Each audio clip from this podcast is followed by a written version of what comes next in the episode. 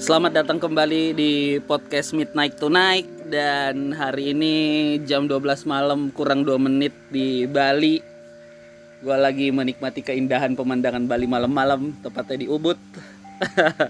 dan eh, sekarang gua lagi sama orang yang mungkin udah lama ya eh, bareng sama gua kayak udah hampir 10 tahun deh kayaknya gua sama dia gitu maksudnya berteman kenal dan uh, terlibat dalam banyak hal bareng ya dan hari ini gue pengen ngebahas topik tentang bagaimana sih menjadi manusia gitu ketika ada di posisi orang ini gitu. Bagaimana dia berhubungan dengan banyak orang dan uh, secara pribadi juga mungkin atau uh, berkaitan dengan uh, perasaan-perasaan personal dan lain-lainnya uh, ketika dia sedang menjalankan tugasnya ataupun tidak gitu. Hari ini gua kedatangan tamu namanya Raka Eka Pramudito aka Raka. Halo Raka.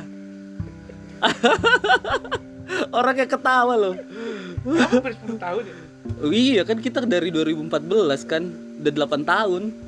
2024 tuh udah 10 tahun tuh. Berarti besok Pak Anies menjabat presiden kita 10 tahun. Iya, Pak Anies menjabat presiden kita berteman sudah 10 tahun. Halo Mas Raka. Halo Mas Anies. Aduh. Patah, patah, patah, patah. Patah.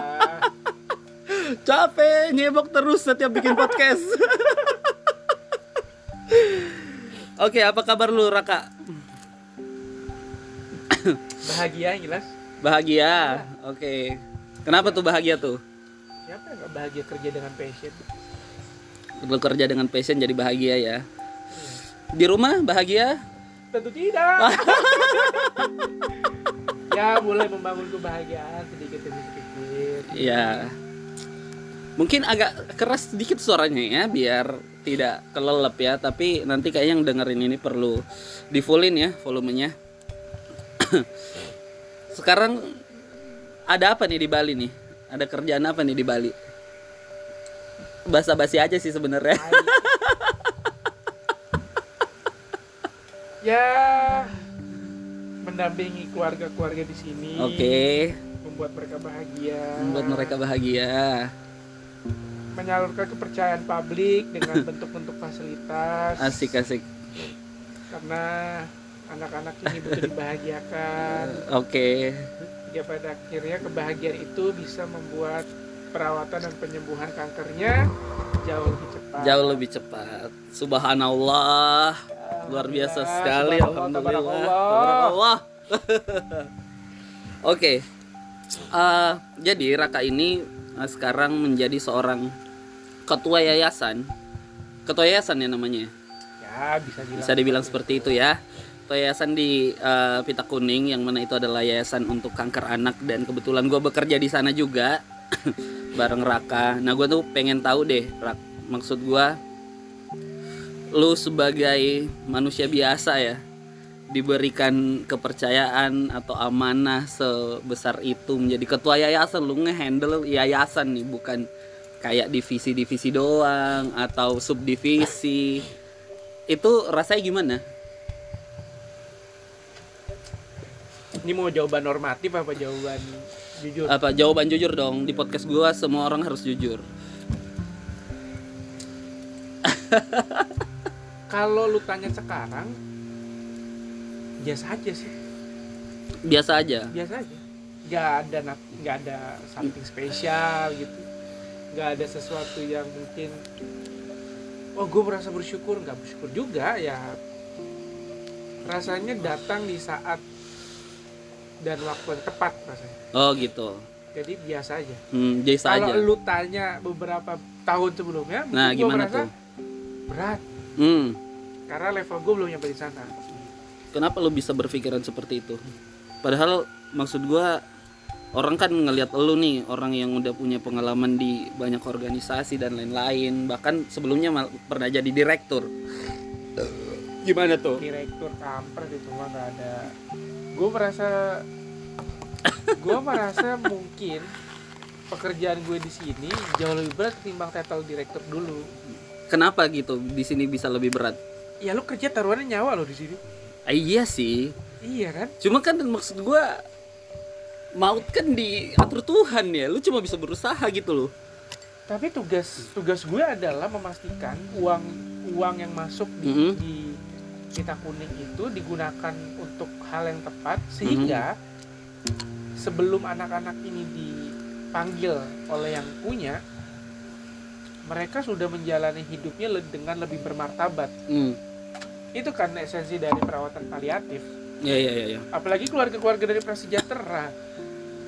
Kita bawa ke dok ke hotel aja nginep kayak gini mereka udah happy bukan happy. Kalau misalkan ada satu kata yang lebih baik Tepat, daripada lebih tepat ya bukan lebih tepat mungkin lebih baik lebih bagus daripada senang bahagia mungkin itu adalah kalimat atau atau kata yang tepat untuk menggambarkan orang tua ini Apa tuh? ya nggak tahu makanya gue nggak nemu karena Bersyukur? ya bersyukur pastilah Hmm.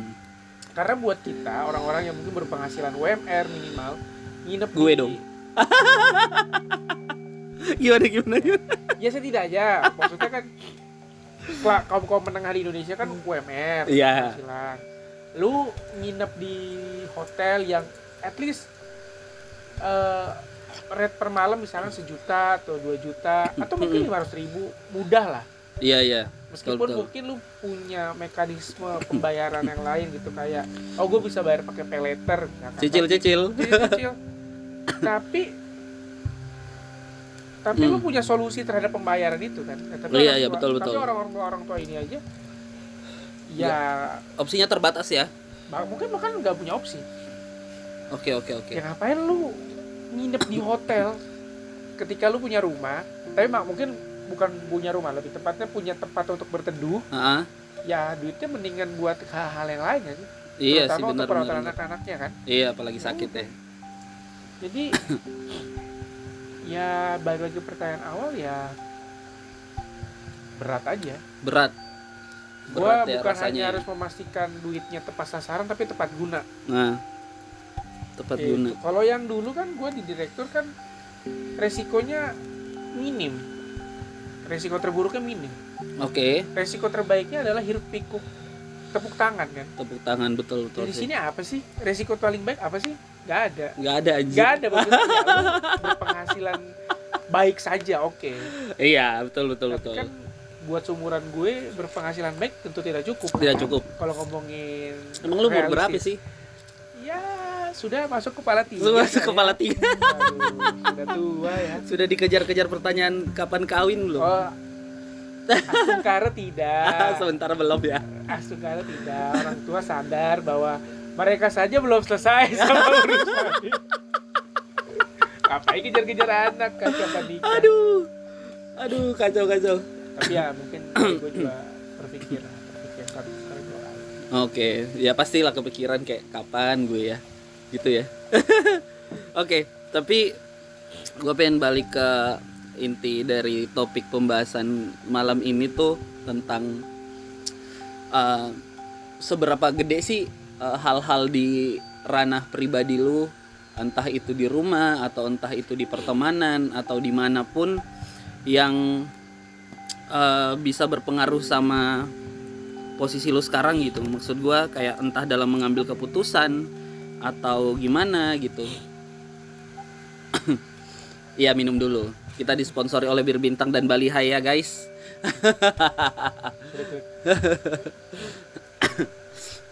gimana tuh? Apaan ya?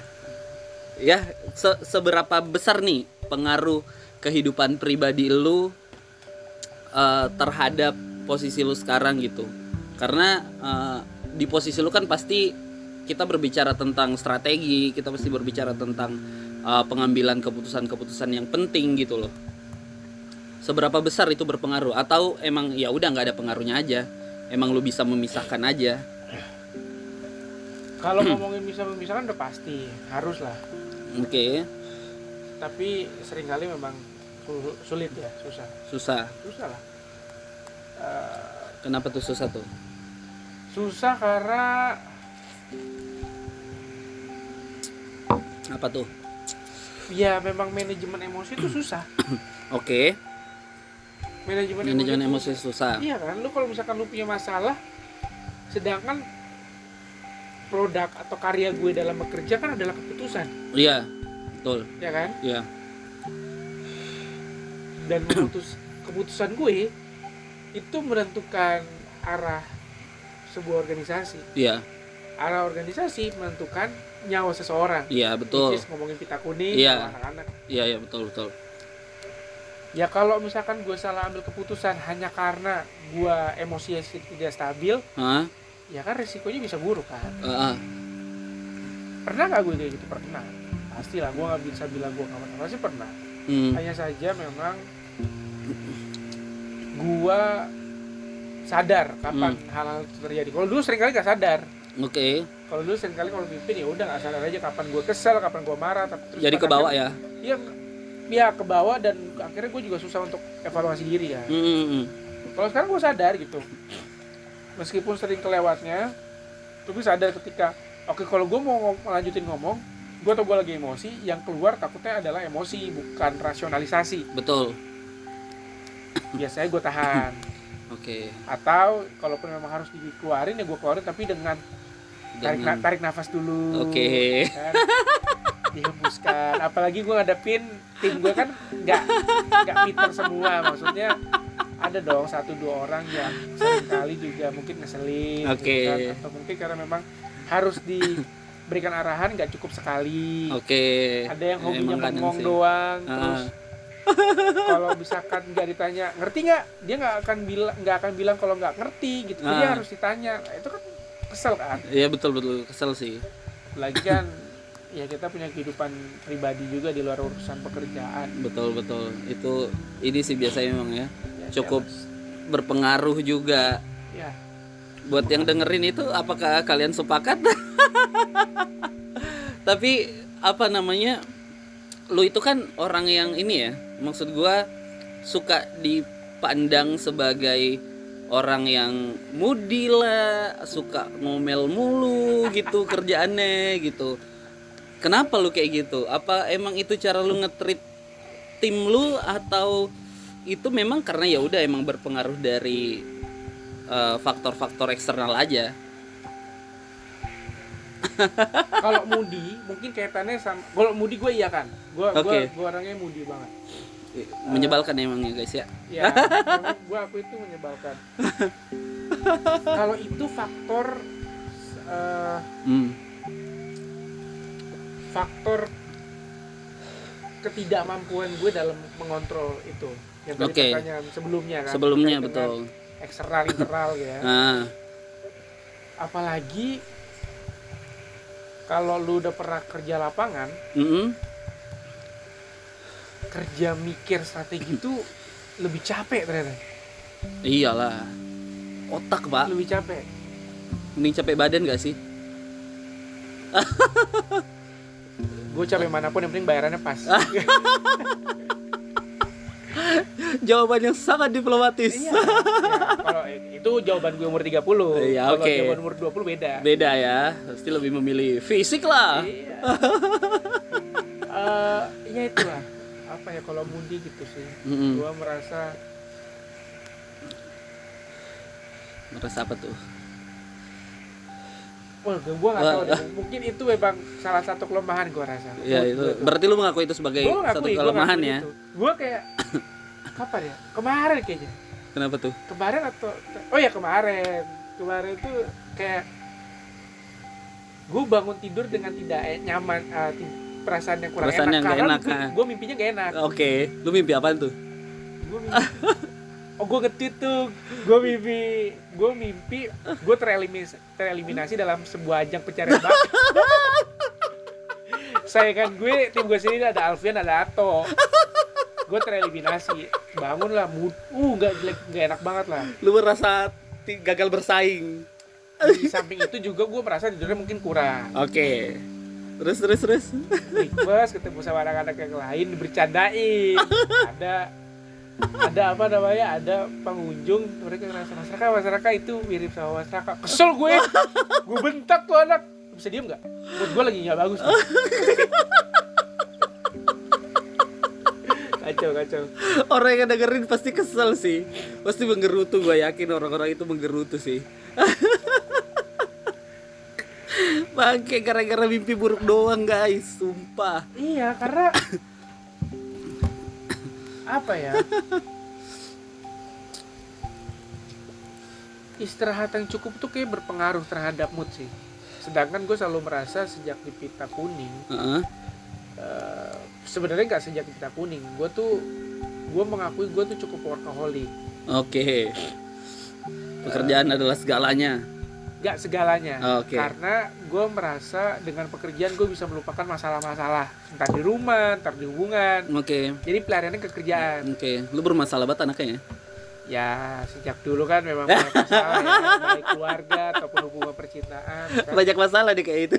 iya jadi lari ke kerjaan terus kebiasaan sampai sekarang kayak ya gue suka apalagi sejak Hmm. 2019 kan gue Hmm. kerja di dunia yang gue cintai kan Iya. ke bawah lah tapi itu berpengaruh terhadap kondisi eh, apa ya mungkin gue yang pada akhirnya mengorbankan waktu istirahat untuk hal-hal yang Hmm, eh, mungkin bisa dinantikan gitu kayak Maksudnya maksudnya masih bisa antar lah. bisa bisa ntar gitu Hmm. pada akhirnya ya waktu istirahat kurang Hmm. tidur aja kan gue kurang daripada 5 jam 4 jam Anjir. gue kalau nyampe rumah itu biasanya Masih biasa skincarean dulu Oke. ah penting gitu Penting agar lebih glowing. iya skincare terus ya kecap sama pacar Hmm. dia tidur terus gue juga mungkin pamit tidur kalaupun dia tidur duluan biasanya gue mendistraksi dengan ngabisin email di inbox Dibaca-bacain doang. iya pokoknya gue gua tuh harus memastikan inbox gue kosong setiap harinya Anjir. inbox kerjaan karena gue Iya iya iya. Apa istilahnya apa OCD ya Obsesif kompulsif. iya mungkin gue tuh nggak nyaman kayak ngelihat notif di HP Ah, yang kayak banyak banget. ya gue nggak nyaman terus ngelihat apa kayak eh, Kayak apa tuh? kayak gini nih ini nggak lurus nih kayak gini nih Ah, ah. pensil nggak lurus gue lurusin tapi lebih kalau ngomongin soal eh, inbox email karena gue nggak nggak nyaman aja ah. jadi gue habisin gitu. terus kalau misalkan udah habis memang sejak di kantor biasanya main PS Main PS. untuk kayak oh gue juga butuh quality time buat diri gue kan Iya pasti sih itu pasti. tapi biasanya bablas tuh ya jam tiga setengah empat bertidur Anjir. itu pun juga gara-gara gue udah ngerasa badan gue udah gak kuat Oke. tidur lah gue kalau gue lagi nggak mau main PS gue nonton film Oke. Nonton film biasanya sampai benar-benar ketiduran biasanya jam 3 baru tidur Hmm, terus terus jam 7 jam 8 gue udah bangun emang udah bangun sendiri udah gitu. bangun udah, udah Tanpa alarm, tanpa punya- dibangunin. iya, udah punya alarm tubuh Hmm, gitu hmm. pada akhirnya jam 7 tuh atau jam siang jam 8 Hmm. bangun-bangun ayam lu tau gak sih yang Iya iya tahu tahu tahu. meskipun lu masih di kasur tapi lu nyawa lu udah udah ada di tubuh lu. Iya, udah balik. Tapi badan masih aduh. badan masih capek Iya iya betul betul. tapi lu udah harus bangun udah harus get Ah. up terus ya udah lu mau mulai hari udah gitu aja terus even sabtu dan minggu Gila, gue Sabtu Minggu sih tidur ya. wah gua kalau covid itu udah gua nggak nggak kuatnya tuh bukan karena gua sakit covid tapi gua nggak kuatnya karena gua nggak bisa bekerja Anjir. kalau covid itu kan harus Full bed rest. Kan? Ah, meskipun lu gak ngerasain apa pun lu kan gak bisa ngapa-ngapain iya kan? betul betul. paling sekarang oke daring tapi kalau Hmm. misalkan lu kena gejala sehari dua hari lu harus full bed rest gua kuat Stres ya? Stres. Stres. Ngefek gak tuh sama kerjaan lu? Efek. Ngefek Pasti, banget itu ya. mood Mood ya. balik ke mood Kacau juga sih kalau misalnya gitu ya. Akhirnya lu ini ya mungkin dilihat orang jadi apaan sih anjir masa gitu doang gitu doang apa nih? Ya gitu doang. Maksud gua kayak ya Allah masa ngikutin mood doang gitu loh. Karena harusnya kan lu ibaratnya tidak mencampurkan uh, ini kan perasaan pribadi kan ke dalam pekerjaan. Iya dong. Betul. Betul. Betul. Kayak kan mungkin orang ngeliat lu apa sih orang ini marah-marah mulu? Buat gue mood tuh nggak doang kenapa tuh? Kenapa nggak doang? Mood tuh penting Hmm. menurut gue. Makanya kalau karena gue salah satu kelemahannya adalah di mood. Mm-mm. gue tuh menghindari untuk hubungan eksternal yang terlalu banyak. Oke.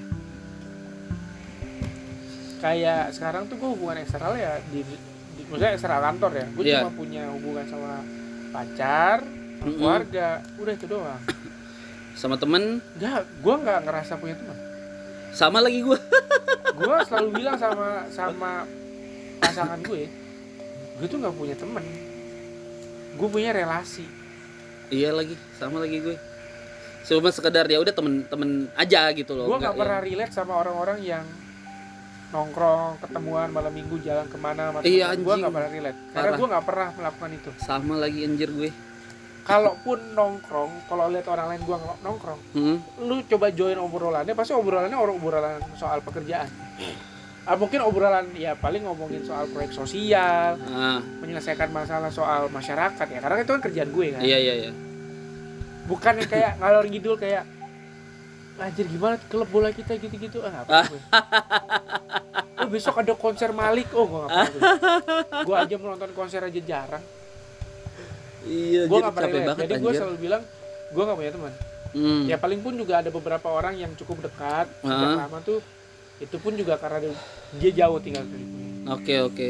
Jadi gue nggak punya hubungan eksternal yang terlalu terlalu terlalu banyak, banyak, gitu. ya. jadi gue nggak relate kayak temen drama gitu. Gue Hmm. menghindari tuh orangnya gitu tuh. Pinjem pinjem duit gue nggak pernah relate. Karena memang gue Hmm. nggak punya teman siapa juga yang berani minjem duit sama gue? Gitu Gua ntar gue pinjam dah. Karena gue sadar semakin banyak gue berinteraksi ah dan menabung hubungan dengan orang lain semakin banyak juga potensi-potensi konflik yang hadir dan itu akan memberatkan pekerjaan lu pekerjaan gue Hmm. ya, ya, ya. Tapi lu menyadari nggak sih kalau lu itu galak tergantung perspektif galak lu dari mana dalam kerjaan pasti dong. Kenapa sih lu suka marah-marah gitu di kerjaan? Apa sih yang bikin lu marah?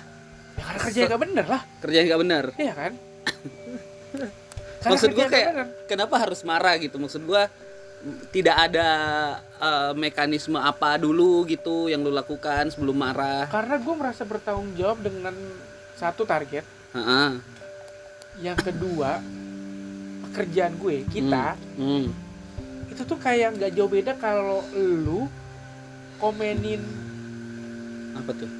pejabat lu kok gitu sih lu kan di kerja digaji sama gue Bayar sama pajak gue. iya sama pajak gue Oke oke. lah kita gue Ah, kerja di yayasan atau siapa pun yang kerja di yayasan ah, kan kerja bukan semata-mata ingin menyelesaikan masalah tapi juga ingin punya dapur yang ngebul ya betul. penghasilan. Pasti pasti. setiap rupiah yang lu nikmatin lu pakai baju lu nikmatin handphone mewah lu lu jalan lu bisa nyicil motor lu bisa liburan sama pasangan lu Hmm. itu kan dari hasil duit kepercayaan masyarakat terhadap apa yang ingin lu hasilkan dalam dalam campaign-campaign yang lu sajikan ke mereka Oke oke. jadi gue merasa bertanggung jawab selain sama target gue bertanggung jawab sama orang yang sudah percaya gue melalui organisasi gue lewat Oke. peta kuning Oke lewat pita kuningnya. kalau lu nanya apakah gue bisa santai-santai aja bisa aja sebenarnya cuma masalahnya nggak Enggak apa. nggak inilah nggak etis aja Hmm. Beban moral jadinya ya. gue sih nggak pernah jadi beban moral sih tapi lebih ke karena Apa tuh? mungkin gue orangnya ambis ya Oke. ya Ini baru nih ambis. Ambis coba Apa sih yang lu kejar? nah, pertanyaan berat nih nggak ada yang gue nggak nggak ada yang gue kejar coba Masa nggak ada? pertanyaan pertanyaan yang yang sebelum ini adalah maksudnya Hah?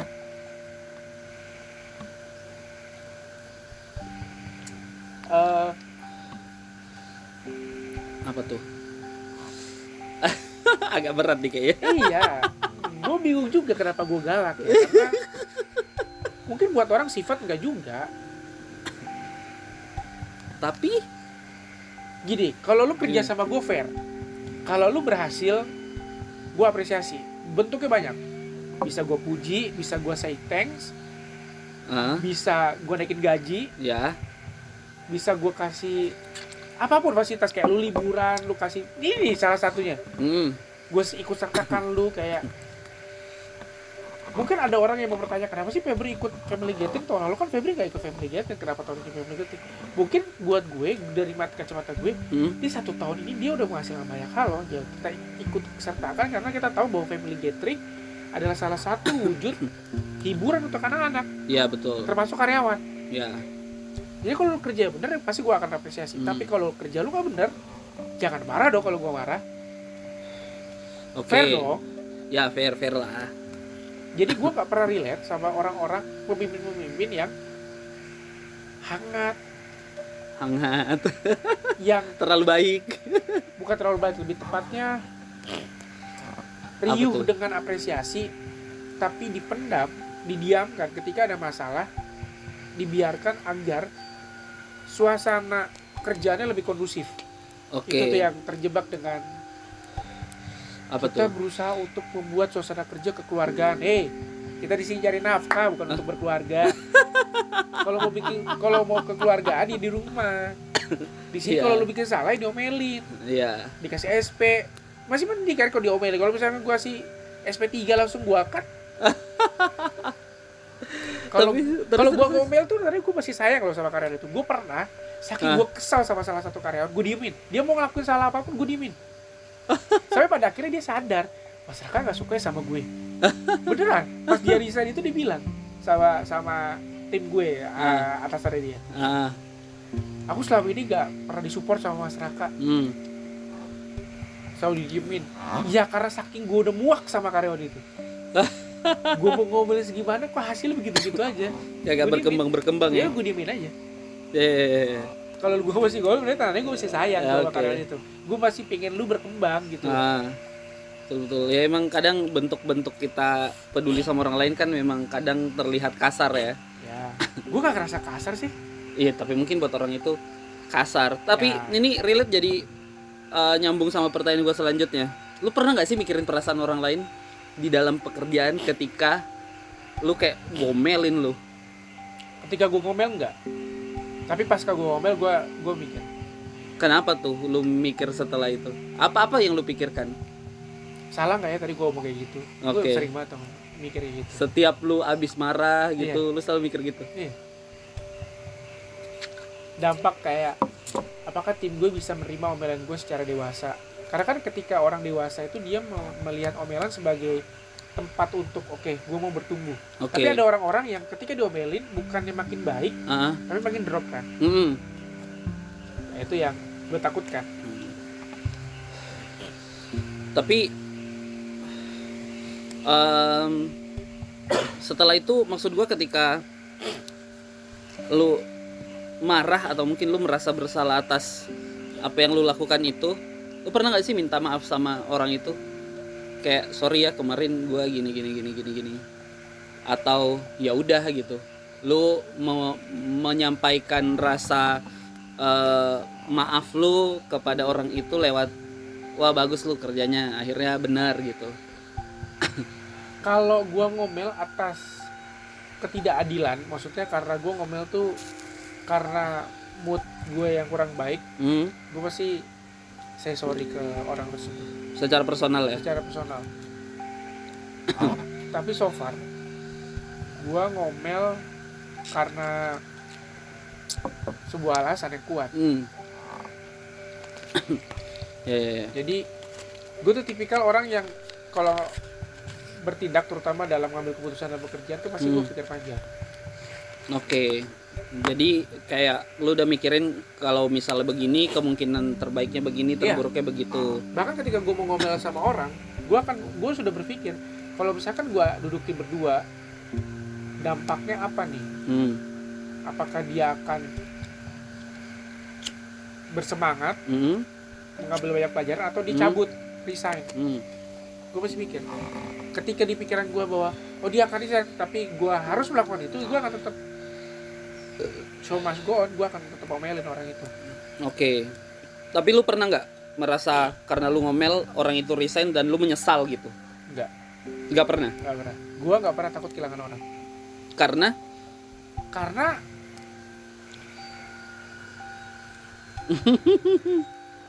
karena yang mau kerja banyak loh Iya, yang bekerja banyak memang. Cuma kan eh, kadang gue berpikir juga ini maksud gue perspektif eh, pribadi ya.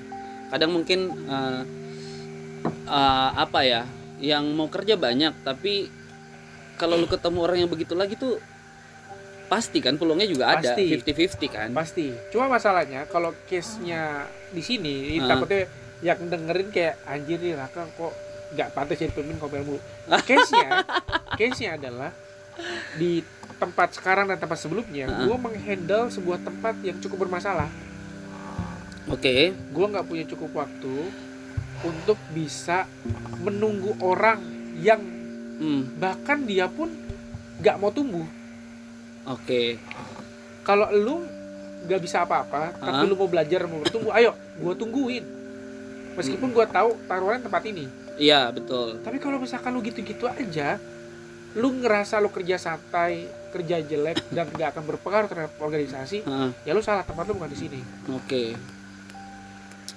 Ya, ya, karena berarti di- kita hmm, di- dikejar dua hal kan Iya, di satu sisi gue sebagai pemimpin gue harus ngelit dia dan menumbuhkan dia sebagai seorang Hmm. personal yang lebih baik ah, tapi di sisi lain gue sebagai pemimpin ada sebuah tempat yang harus gue pertahankan nih oke. Ya, ya. dan gue nggak bisa kerja sendiri gue butuh tim yang solid tapi kalau misalkan dia gitu-gitu aja ya ya sorry ya out silakan Oke. Jadi makanya gue gak pernah takut kehilangan orang No tapi hard feeling ya. ya gue gue gue tuh orang yang Apa nih? kalau lu resign kalau lu cabut Hmm, dan gue duduk sama lu hmm, untuk exit interview atau one on one terakhir sama lu hmm. berarti lu orang yang bagus Oke. tapi kalau misalkan lu resign lu cabut eh, tapi lu nggak ketemu sama gue baik itu ngobrol ataupun lu dapet WhatsApp dari gue dapet Ah. telepon dari gue ya berarti tanda bahwa selama ini kerja lu cukup buruk sehingga Oke. gue malas ya udah silakan ya, cabut cabut Oke oke oke menarik menarik menarik menarik. Jadi sebenarnya kayak uh, lu pun mempertimbangkan ketika seorang itu uh, lu mau bertumbuh juga nggak nih gitu ya? Iya. Atau lu mau gitu-gitu aja? Kalau mau gitu-gitu aja jangan di sini gitu ya? Karena memang uh, mungkin efek dari ambis lu juga gitu. Lu berambisi mungkin memiliki tim yang solid, mencapai target dan lain-lain. Tapi memang gua rasa pada akhirnya memang ketika kita ngeset target ya kita harus mengejar itu kan. Ah, Nah, eh, sebagai seorang pemimpin, lu eh, posisi lu ini kan eh, apa ya? Harus mengambil keputusan-keputusan besar gitu. Apalagi titelnya ketua yayasan kan. Jadi keputusan-keputusannya nggak mungkin keputusan-keputusan eh, teknis gitu. Pasti yang diambil adalah keputusan-keputusan strategis gitu.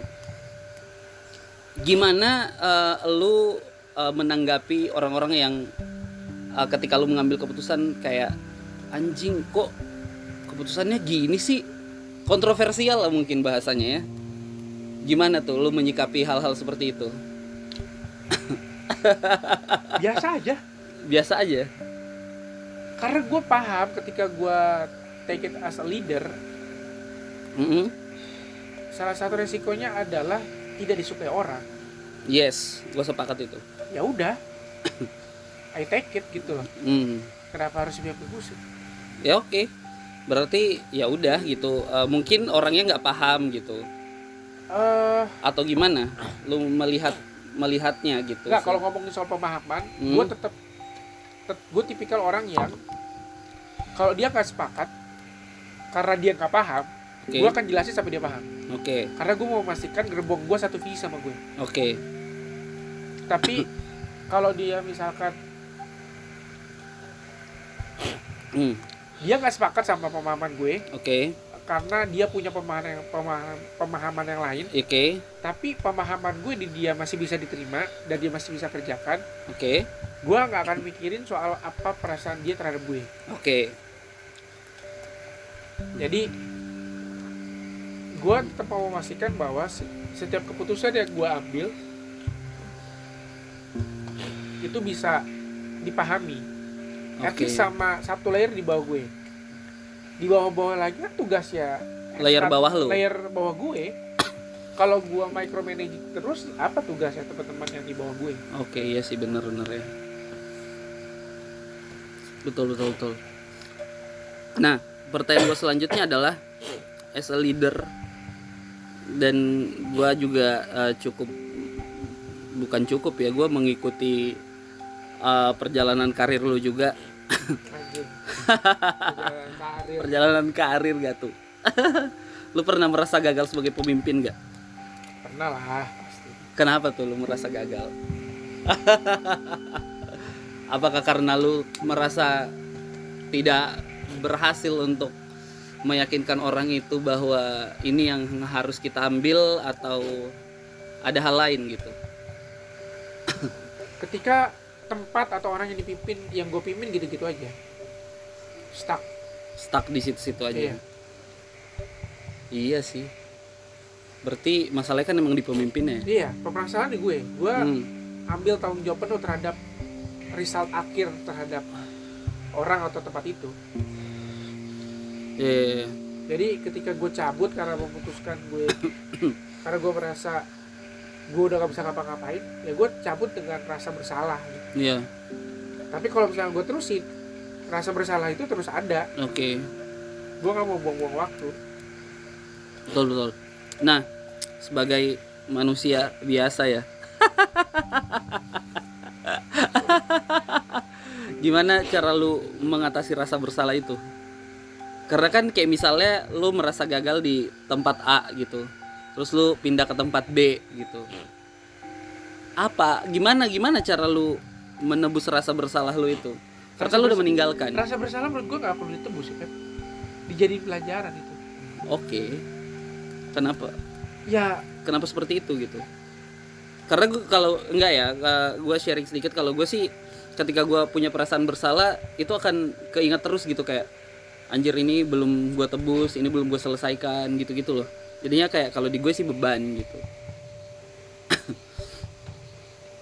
kalau di lu lebih ke ya udah gitu buat pelajaran aja iya iya. Kayak gini deh. Analoginya adalah perjalanan misalkan road trip dari Jakarta ke Bandung. oke Lu memilih untuk lewat jalan non tol. ya Lu tahu ketika jalan eh, ketika lewat jalan non tol lu dapat macet, lu dapat jalan rusak, ya lu dapat tempat makan susah misalkan ya untuk berhenti istirahat. Sehingga pada akhirnya lu merasa perjalanan Jakarta Bandung ini nggak worth it. Udah deh, gue puter balik gagal artinya. nah, Atau lagi, lu coba misalkan Jakarta Cirebon, hmm. Rutenya berbeda, Cirebon ya kan? Ya yang deket-deket aja kamu Iya, iya. Jakarta Bali ya, banding. Oke baik baik. Karena lu udah pernah Jakarta Bandung, tak tanpa lewat tol lu belajar. Ah, kemarin gue Jakarta Bandung gak lewat tol macet, jalan rusak, sosial Oke. macet. Jadi gue belajar dari sana, gue lewat tol ke Cirebon. Hmm. sama seperti itu gue pernah merasa gagal nggak pernah pasti tapi gue menjadikan kegagalan itu sebagai pembelajaran buat gue Oke. bukan sebagai rasa bersalah Hmm. sehingga pada akhirnya proses selanjutnya ya jauh lebih baik Harusnya. harusnya Harusnya. karena gue belajar dari kesalahan yang ada Oke. tapi kalau misalkan lu gagal lagi nah itu namanya goblok Ya siapa tahu tolnya macet. ya kalau lu oke kalau misalkan lu gagal dalam hal yang berbeda Ah, misalnya ah gue oke deh gue lewat tetap jalan tol tapi eh gue ambil rute lewat perumahan jalannya aspal semua Oke. terus bener nih di tengah-tengah lancar tapi di akhir ketika jalur perumahan ternyata portalnya tutup Hmm. kan lu nggak tahu sebelumnya portalnya tutup Iya. gagal lagi nih Iya. ya nggak apa-apa lah Oke. kenapa lu takut gagal kan semua butuh proses Iya ya. Gue sepakat sih sama butuh proses. Cuma memang kayak bag- eh, yang yang menjadi ko- concern, concern lagi, concern mulu tiap hari. Yang menjadi pikiran gue adalah eh, perasaan bersalahnya itu gitu loh.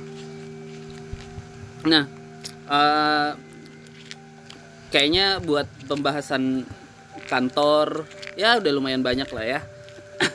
gua rasa juga siapa tahu orang-orang yang mendengarkan ini adalah sekantor sama Raka. Sulit.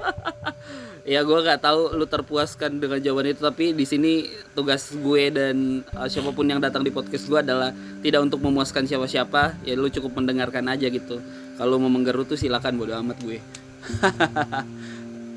nah balik ke kehidupan lu eh, di luar kantor nih tapi mungkin masih ada re, re- eh, relate-nya dikit dengan eh, kantor ya pernah nggak sih lu urusan kantor tuh kebawa pulang gitu Gak pernah, kebalik justru. kenapa kenapa justru seperti itu kenapa kenapa urusan kantor akhirnya nggak bisa eh, apa justru nggak lu bawa pulang gitu Kalau pekerjaan, kepikiran kantor dibawa ke rumah, hmm?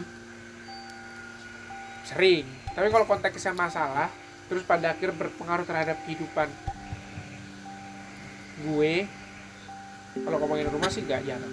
Tapi kalau misalkan hubungan relationship, eh, percintaan ya, asik percintaan ya se- sering ya. Saya takut beliau mendengar nanti kan. sering sering lah. Kayak misalkan tiba-tiba gue kepikiran anjing. Gue lu, gue lupa lagi nggak hari ini. Tiba-tiba gue nelpon. Padahal Ah. itu di luar jam kerja, terus gue lagi pacaran. ah Halo gini gini, gini. tutup telepon. Sebelah ngambek. Ah. Kamu tahu kan ini udah bukan jam kerja. Iya. Gitu. aduh kayak dia lebih peduli sama orang yang lu telepon sih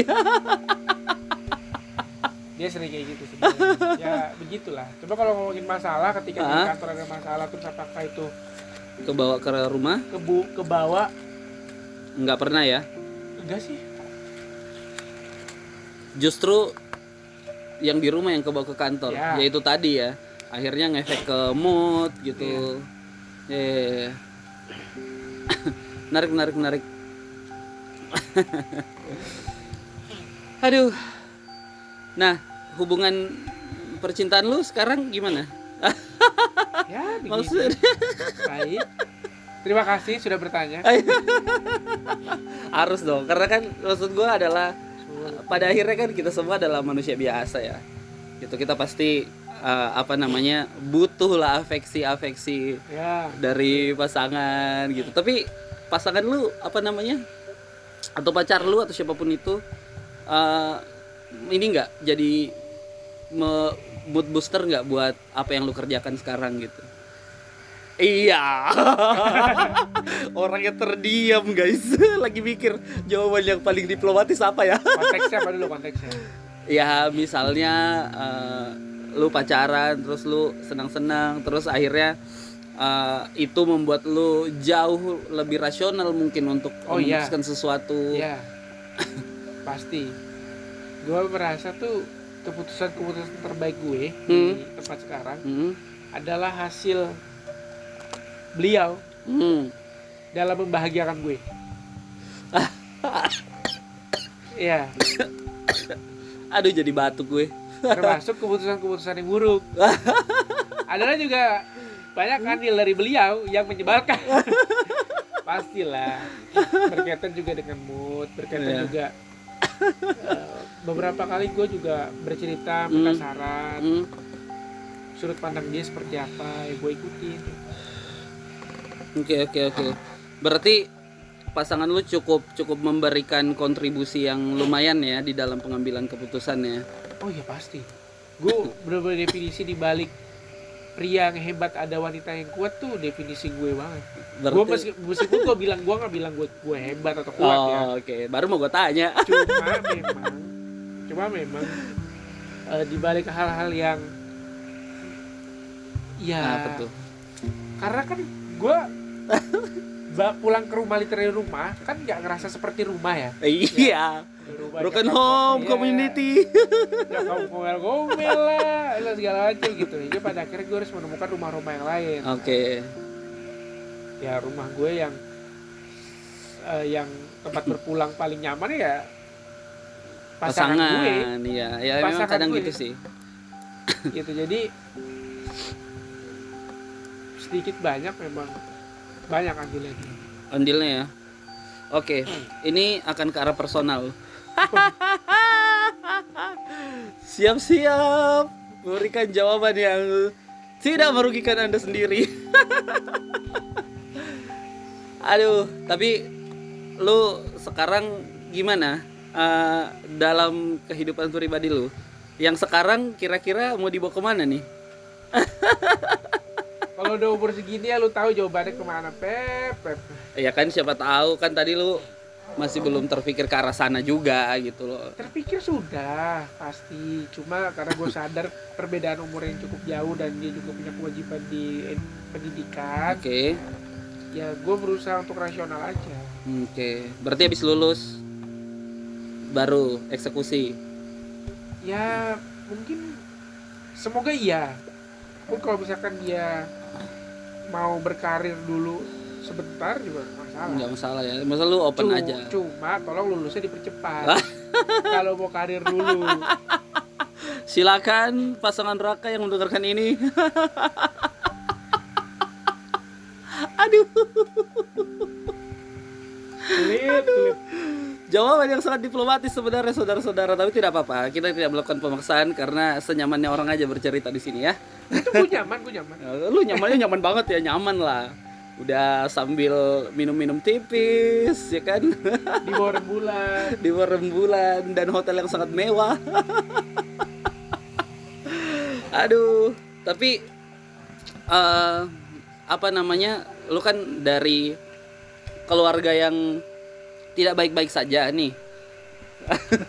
Gue berusaha memperhalus. Iya.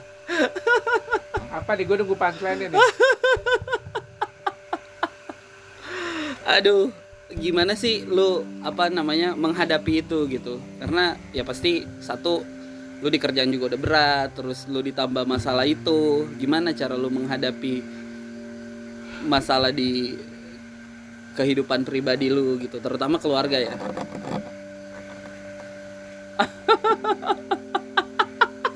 Melet anjing orangnya.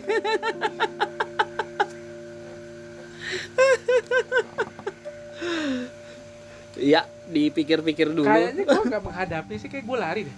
Lu lari, Kayak gue lari deh. lu lari dari masalah itu. Sepertinya iya. Kenapa lu merasa lu berlari? Karena gue harus memilih energi gue mau gue habisin buat yang mana. Kalau untuk menyelesaikan masalah rumah, gue gak akan punya cukup tenaga untuk menyelesaikan masalah kantor. Begitu juga sebaliknya. Oke. Tep- Jadi gue Hmm. memilih untuk sementara ini lari dulu mungkin. Oke. Menyelesaikannya nggak tahu kapan ya. Pelan-pelan, pelan-pelan. Pelan-pelan. Kayak sekarang mulai Mhm. gue bisa ngontrakin rumah cukup baik, bagus lah, baik untuk nyokap gue. Oke. gitu. Bokap lu ke mana BDW? Ya ada ngekos lah. Ya, Nah. beliau. Beliau. ya. Pun kalau misalkan beliau ada kebutuhan masih bisa gue penuhi gitu. Eh, jadi lu masih sebenarnya masih menghidupi kedua orang tua lu ya? Masih, masih. Masih. Masih lah tipis-tipis lah. Tipis-tipis lah ya. Itu. Jadi sedikit demi sedikit lah ya meskipun juga nggak langsung Mhm. banyak cuma setidaknya setidaknya Lu udah membantu mereka. ketika gue pulang ke rumah Heeh. dan gue lelah di kantor gue nyaman Oke. Tidak ada hal yang diributkan lagi. Ada, ya gitu Oke. Tapi lu pernah nggak eh, pengen gitu punya keluarga yang baik-baik aja? ya pastilah pe pertanyaan macam apa ya kan nggak apa-apa. Siapa tahu orang merasa kayak pastilah ya udahlah gue cukup mencari di luar aja gitu. sejujurnya gue lebih nyaman sama keluarga cewek gue Karena karena baik-baik aja. baik-baik aja gue selalu, selalu bilang sama dia kayak gini dia tuh nyokap bokapnya hobinya adalah ngajakin anak-anaknya tuh jalan di Sabtu sama Minggu Sabtu atau Minggu lah tapi Oke. dia tuh males kayak pikirnya di kamar gitu Ah, capek mungkin. gue ber, ber- ber- beberapa kali bilang ya bersyukur kamu masih ada orang tua yang mau ngajak jalan gitu Oke. kalian masih bisa punya family time gitu Iya ya. Gue pengen kayak gitu serius gue kayaknya cita-cita gue sekarang nih bucket Ah. list gue yang paling yang paling sederhana adalah ngeberangkatin satu keluarga gue untuk liburan ke Bali udah itu doang Satu keluarga lu liburan Iya. ke Bali. cuma masalahnya bukan di kendala biaya bukan Relasi antar orangnya. betul rasanya tuh pengen gue jebak dua-duanya yang satu gue beli tiket yang satu beli tiket terus tiba-tiba ketemu di, Ketemu di hotel kan Ah, hotelnya di bookingin satu aja. Iya, tapi aduh, gue udah kebayang apa yang akan terjadi. Jadi momennya Perang, perang, perang. eh gue nggak muluk-muluk kayak umroh punya mobil mewah punya Hah? rumah mewah enggak gue pengen seminggu aja Hah? seminggu untuk mereka datang liburan bareng Oke. sama gue sama adik gue gitu gitu kan iyalah Gokil ya. Gokil gokil. cuma ya udahlah gue juga nggak berekspektasi tinggi terhadap Mereka. terhadap mereka dan impian gue itu. Ya setidaknya diusahakan dulu lah ya. ya apa apa kalau mereka nggak mau juga apa-apa. Oke, karena udah hampir sejam eh, dan biasanya pendengar gue agak protes "Eh, lama banget anjir gitu. Tapi ya serah gue lah podcast podcast gue gitu kan. tahu lu tinggal dengerin doang Ah, aku tinggal dengerin doang, kagak ada iklan juga Ada anjing. iklan. kecuali kalau lu mau donasi boleh Boleh. cek at kita underscore kuning di situ ada rekening donasi Tetap masuk anjing. nah, eh, menuju akhir podcast kira-kira es eh, sebagai seorang yang ada di posisi yang cukup tinggi lah di dalam suatu organisasi eh, lu pengen nyampein apa sih ke mungkin orang yang mengejar ke arah sana atau ada di posisi sana dan orang-orang yang ada di bawah lu nih? Lu pengen nyampein apa gitu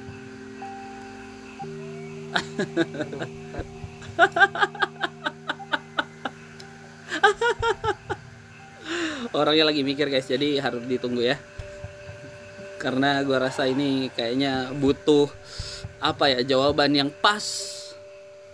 Tapi tetap saja kita tidak bisa menyenangkan hati kalian semua.